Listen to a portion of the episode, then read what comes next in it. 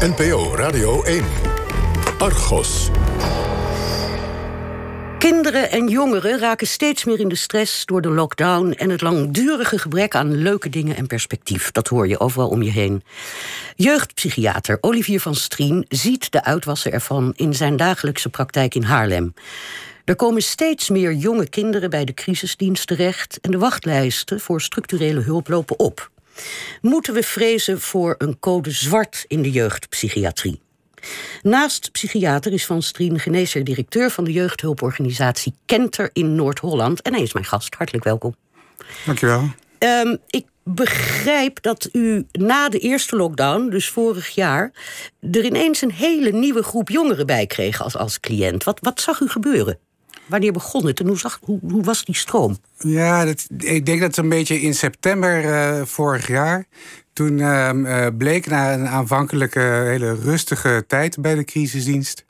Um, bleek er een, uh, een, forse toename in het aantal crisisaanmeldingen. Dat door de huisarts bij ons werd aangemeld. En, um, en dat duurde eigenlijk voort. Ehm, nou ja, eigenlijk tot nu zou je kunnen zeggen. Dus, dus in september, de lockdown begon in maart, hè, meen ik, vorig jaar. Ja. Februari, maart. Ja. En pas in september begon er een stroom van echt hele nieuwe cliënten, jonge cliënten op gang te komen? Nou ja, in september werd werden de maatregelen eigenlijk een beetje opgeheven. Er begonnen weer een aantal dingen in het uh, maatschappelijk verkeer. En, uh, en iedereen uh, was eigenlijk wat aan het ontspannen. En juist toen, dat, toen iedereen aan het ontspannen ging, toen bleek dat er toch heel veel kinderen waren die. Um, uh, ja, waarschijnlijk toch uh, het, tot die tijd hebben weten vol te houden. Want um, probeer eens te beschrijven hoe, wat er met die jongeren... Ja, dat, dat klinkt generaliserend, maar om een beeld te geven... wat er met die jongeren die u zag komen aan de hand was. Wat voor symptomen, wat, met wat voor klachten werden ze naar u doorgestuurd? Nou, de, de, meestal als ze naar de crisisdienst worden doorgestuurd, dan gaat het om kinderen bij wie het echt niet meer gaat en waarbij de huisarts het niet meer vertrouwt. En dat kan zijn dat het kind uh, zichzelf beschadigt, of het kan zijn dat het kind zegt: Ik, uh, ik kan het niet meer, ik, kan niet meer leven, ik wil het niet meer aan. of het kan ook zijn dat het een kind is wat ook daadwerkelijk een poging gedaan heeft um, om ermee te stoppen, om zelfmoord te plegen. En um, gelukkig zijn dat er niet, niet de, de meeste maar de meeste zijn echt situaties waarin kinderen zeggen van het gaat niet meer en ouders ook niet meer weten wat ze moeten doen. En is dat toe te schrijven, denkt u, uh, um, wat u zag dus aan nieuwe cliënten die kwam inderdaad aan die lockdown en wat dan in die lockdown maakt dat, dat, dat deze wanhoop zich meester maakt van ze? Nou, wat is ja, nou wat ze het meest missen? Bij, bij adolescenten eh, is denk ik heel erg van belang dat ze voortdurend bezig zijn met um, uh, of ze ertoe doen. En dat doen ze eigenlijk in uh, relatie met anderen. Dus hun verbinding met anderen is ongelooflijk belangrijk om voor zichzelf te begrijpen dat ze ertoe doen. En meestal doen ze dat met leeftijdsgenoten en doen ze dat in de structuur van een school. Um, ja, die viel weg natuurlijk. Die ja, structuur, ja. Ja, of, of ook binnen het gezin. en, um, uh, en nu is het zo dat um, bij veel gezinnen uh, gaat het gelukkig goed. Er zijn heel veel gezinnen die goed oog voor elkaar hebben en houden en hebben gehouden in de, uh, in de lockdown. En, maar er zijn ook kinderen die zich steeds meer zijn gaan terugtrekken op hun kamer. ook omdat ze hun zorgen soms um, uh, moeilijk vinden om die te delen met hun ouders, van wie ze ook zien dat die het zwaar hebben en dat die um, soms ook voor hun bestaanszekerheid moeten vrezen, omdat ze hun baan op de tocht staat. Um, dus die hebben ook de neiging om wat minder goed uh, om hulp te vragen binnen het gezin. En, en omdat ze hun ouders niet nog extra willen belasten? Is dat dan wat, wat meespeelt? Ja, dat is iets wat kinderen heel sterk doen. Hè. Ze willen hun ouders niet belasten. En, en het kan ook zo zijn dat ouders inderdaad ook echt op hun tenen lopen en ook niet meer oog voor hun kinderen hebben. Uh, en ze ook niet meer kunnen steunen zoals dat ze graag zouden willen. Uh, u, u, zei net hè, dat er de kinderen, of kinderen die kwamen, jongeren die kwamen, dat, daar, uh, dat dat ook echt gevallen waren van kinderen die een poging al hebben gedaan, misschien om uit het leven te stappen, of in elk geval duidelijk maakten dat ze aan het eind van hun Latijn zijn. Ging dat dan om jongeren waarvan u weet of die al bij de GGZ bekend waren, of is het echt door die lockdown en die maatregelen een hele nieuwe groep? Nee, er zijn, er zijn er drie groepen, denk ik, die zich bij ons aanmelden.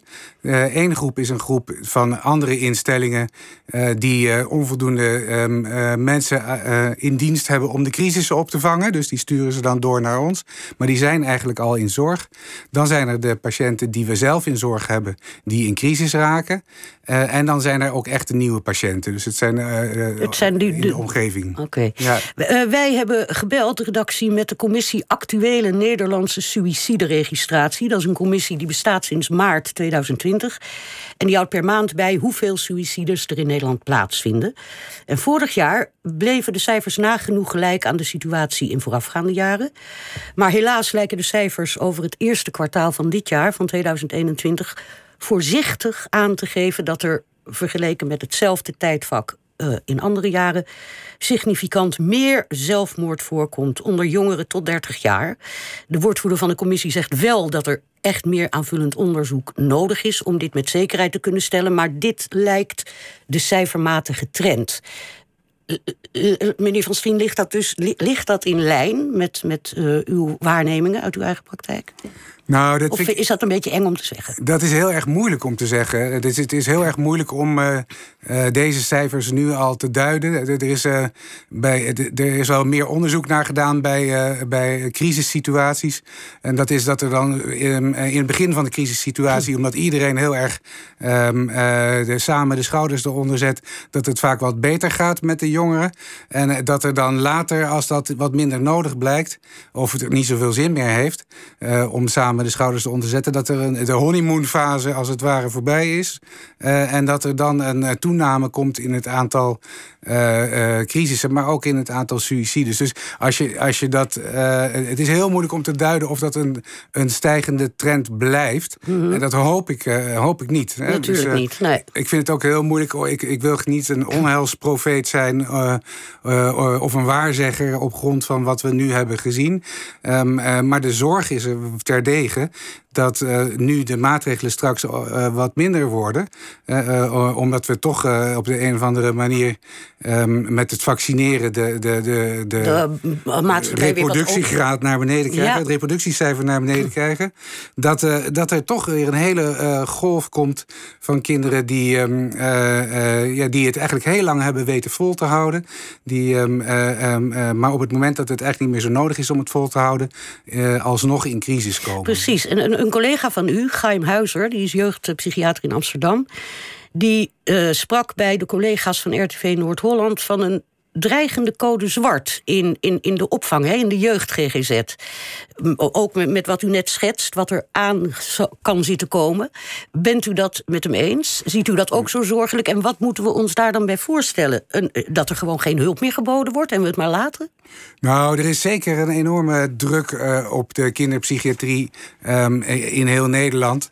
Uh, en, uh, en Gaim is van Level en die hebben ook een aantal bedden. Dus die zien ook veel kinderen met een eetstoornis... Die, um, waar, waarvan de, het aantal ook een schrikbarende toename heeft gekend... Um, de afgelopen periode. En ook, dat, wat ik ook terughoor van kinderartsen overigens... van kinderen die op de afdeling kindergeneeskunde liggen. en die, die zaten met het probleem dat ze de, vol zaten op hun afdeling, dus de, bedden vol lagen. En dat ze daardoor kinderen elders moesten gaan plaatsen. Ik geloof dat er uiteindelijk een meisje naar Zeeland moest. Uh, vanuit Amsterdam, omdat er geen plek voor haar was. Dus dat, dat is de, denk ik de code zwart die Geheim Huizen bedoeld heeft. Mm -hmm. Moeilijk om te zeggen wat hij precies bedoeld heeft. Um, maar ik denk dat, het, dat die uh, um, in zekere zin ook iets aangeeft over wat al voor de uh, coronacrisis speelde. Uh, namelijk dat uh, de, de, gemeente de, uh, de, sinds de transitie van de jeugdzorg van de overheid naar de gemeente in 2015 een opdracht hebben gekregen die ze eigenlijk niet goed hebben kunnen overzien en die ze eigenlijk ook niet goed hebben kunnen invullen, waardoor de, de jeugdzorg uh, behoorlijk in het nauw is gekomen. Precies, het is dus niet van, van, van door uh, de corona-lockdown voor die tijd, excuses, was de jeugdzorg geplaatst bij de gemeente met wat overal al, waar overal voor gewaarschuwd werd, te weinig middelen, zowel financieel als qua kwaliteit van de zorg. Die opbouw was er al lang dat het vastliep. En dat is nu ja. alleen maar verergerd. Ja, het is nu in een, in een sneltreinvaart uh, uh, komt aan het licht dat, we, dat het vastgelopen is. Maar dat was eigenlijk al aan het vastlopen ja. uh, voor de coronacrisis. En, um, en dat, ik heb het vanuit verschillende hoeken meegemaakt. Ik ben, eerst had ik zelf ook een eigen praktijk in Amsterdam. En ehm, daar zag ik dat de een na de andere kinderpsychiater ophield met kinderpsychiatrie en volwassen psychiatrie ging doen. Omdat ze de onderhandeling met de gemeente, dat ze daar niet uitkwamen. Hoe, uh, hoe, bedoelt u de onderhandelingen met de gemeente? Financieel niet uitkwamen? Ja, dat, ze, de, de, de, dat je een ongelooflijke administratieve rompslomp had... en dat er ook een behoorlijke budgetkorting was uh, voor de zorg uh, in, voor vrijgevestigd psychiaters. Zodat er toen veel psychiaters zijn gestopt met, met het aanbieden van kinderpsychiatrie... of alleen kinderpsychiatrie aan kinderen die dat zelf konden betalen en gezinnen. dus daar, daar, daar heb ik gezien dat, het, dat er een uitholling was van het specialisme maar ik zie ook, ik hoor en zie in de instellingen ook dat veel mensen daar wegtrekken. Omdat um, de, er uh, heel veel complexe zorg in die instellingen is. En crisiszorg. Um, uh, die, die behoorlijk heftig is. Die niet extra wordt beloond, dat klinkt zo raar, maar waar geen extra geld voor is eigenlijk. Die op, op dezelfde manier wordt gezien als de gewone reguliere, wat minder zware zorg. Ja, die ja. op dezelfde manier vergoed wordt, uh, waardoor er ook in de instellingen uh, heel veel goede kwalitatieve uh, hulpverleners weglekken.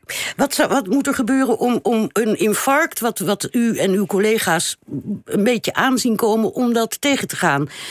Nu.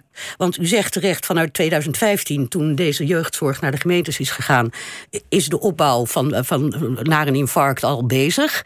Nu is het heel acuut. Dus ik kan me zo voorstellen dat u niet zegt, nou morgen wordt het beleid helemaal omgegooid. Daar kan je ook niet op wachten. Wat kan zou er nu moeten gebeuren om ervoor te zorgen dat, dat we vanaf volgende week of over twee weken het aan gaan kunnen? Nou ja, wat ik echt denk is dat de, de, eh, de, gemeente en het Rijk uh, in de impasse die er is ontstaan over de financiën, dat die uh, de, daaruit moeten stappen. Dat ze echt in het, nu in het belang van de, de samenleving, belang van de kinderen, specifiek daar met elkaar moeten zeggen: we gaan dit met elkaar oplossen, samen met de instellingen, um, om ervoor te zorgen dat er nu op dit moment voldoende opvang is voor de kinderen die in nood zijn. Zodat Ik vind het prima wat, dat, dat, dat ze dat zouden zeggen, maar wat moeten ze doen? Want je kan het altijd zeggen. Wat is er voor nodig?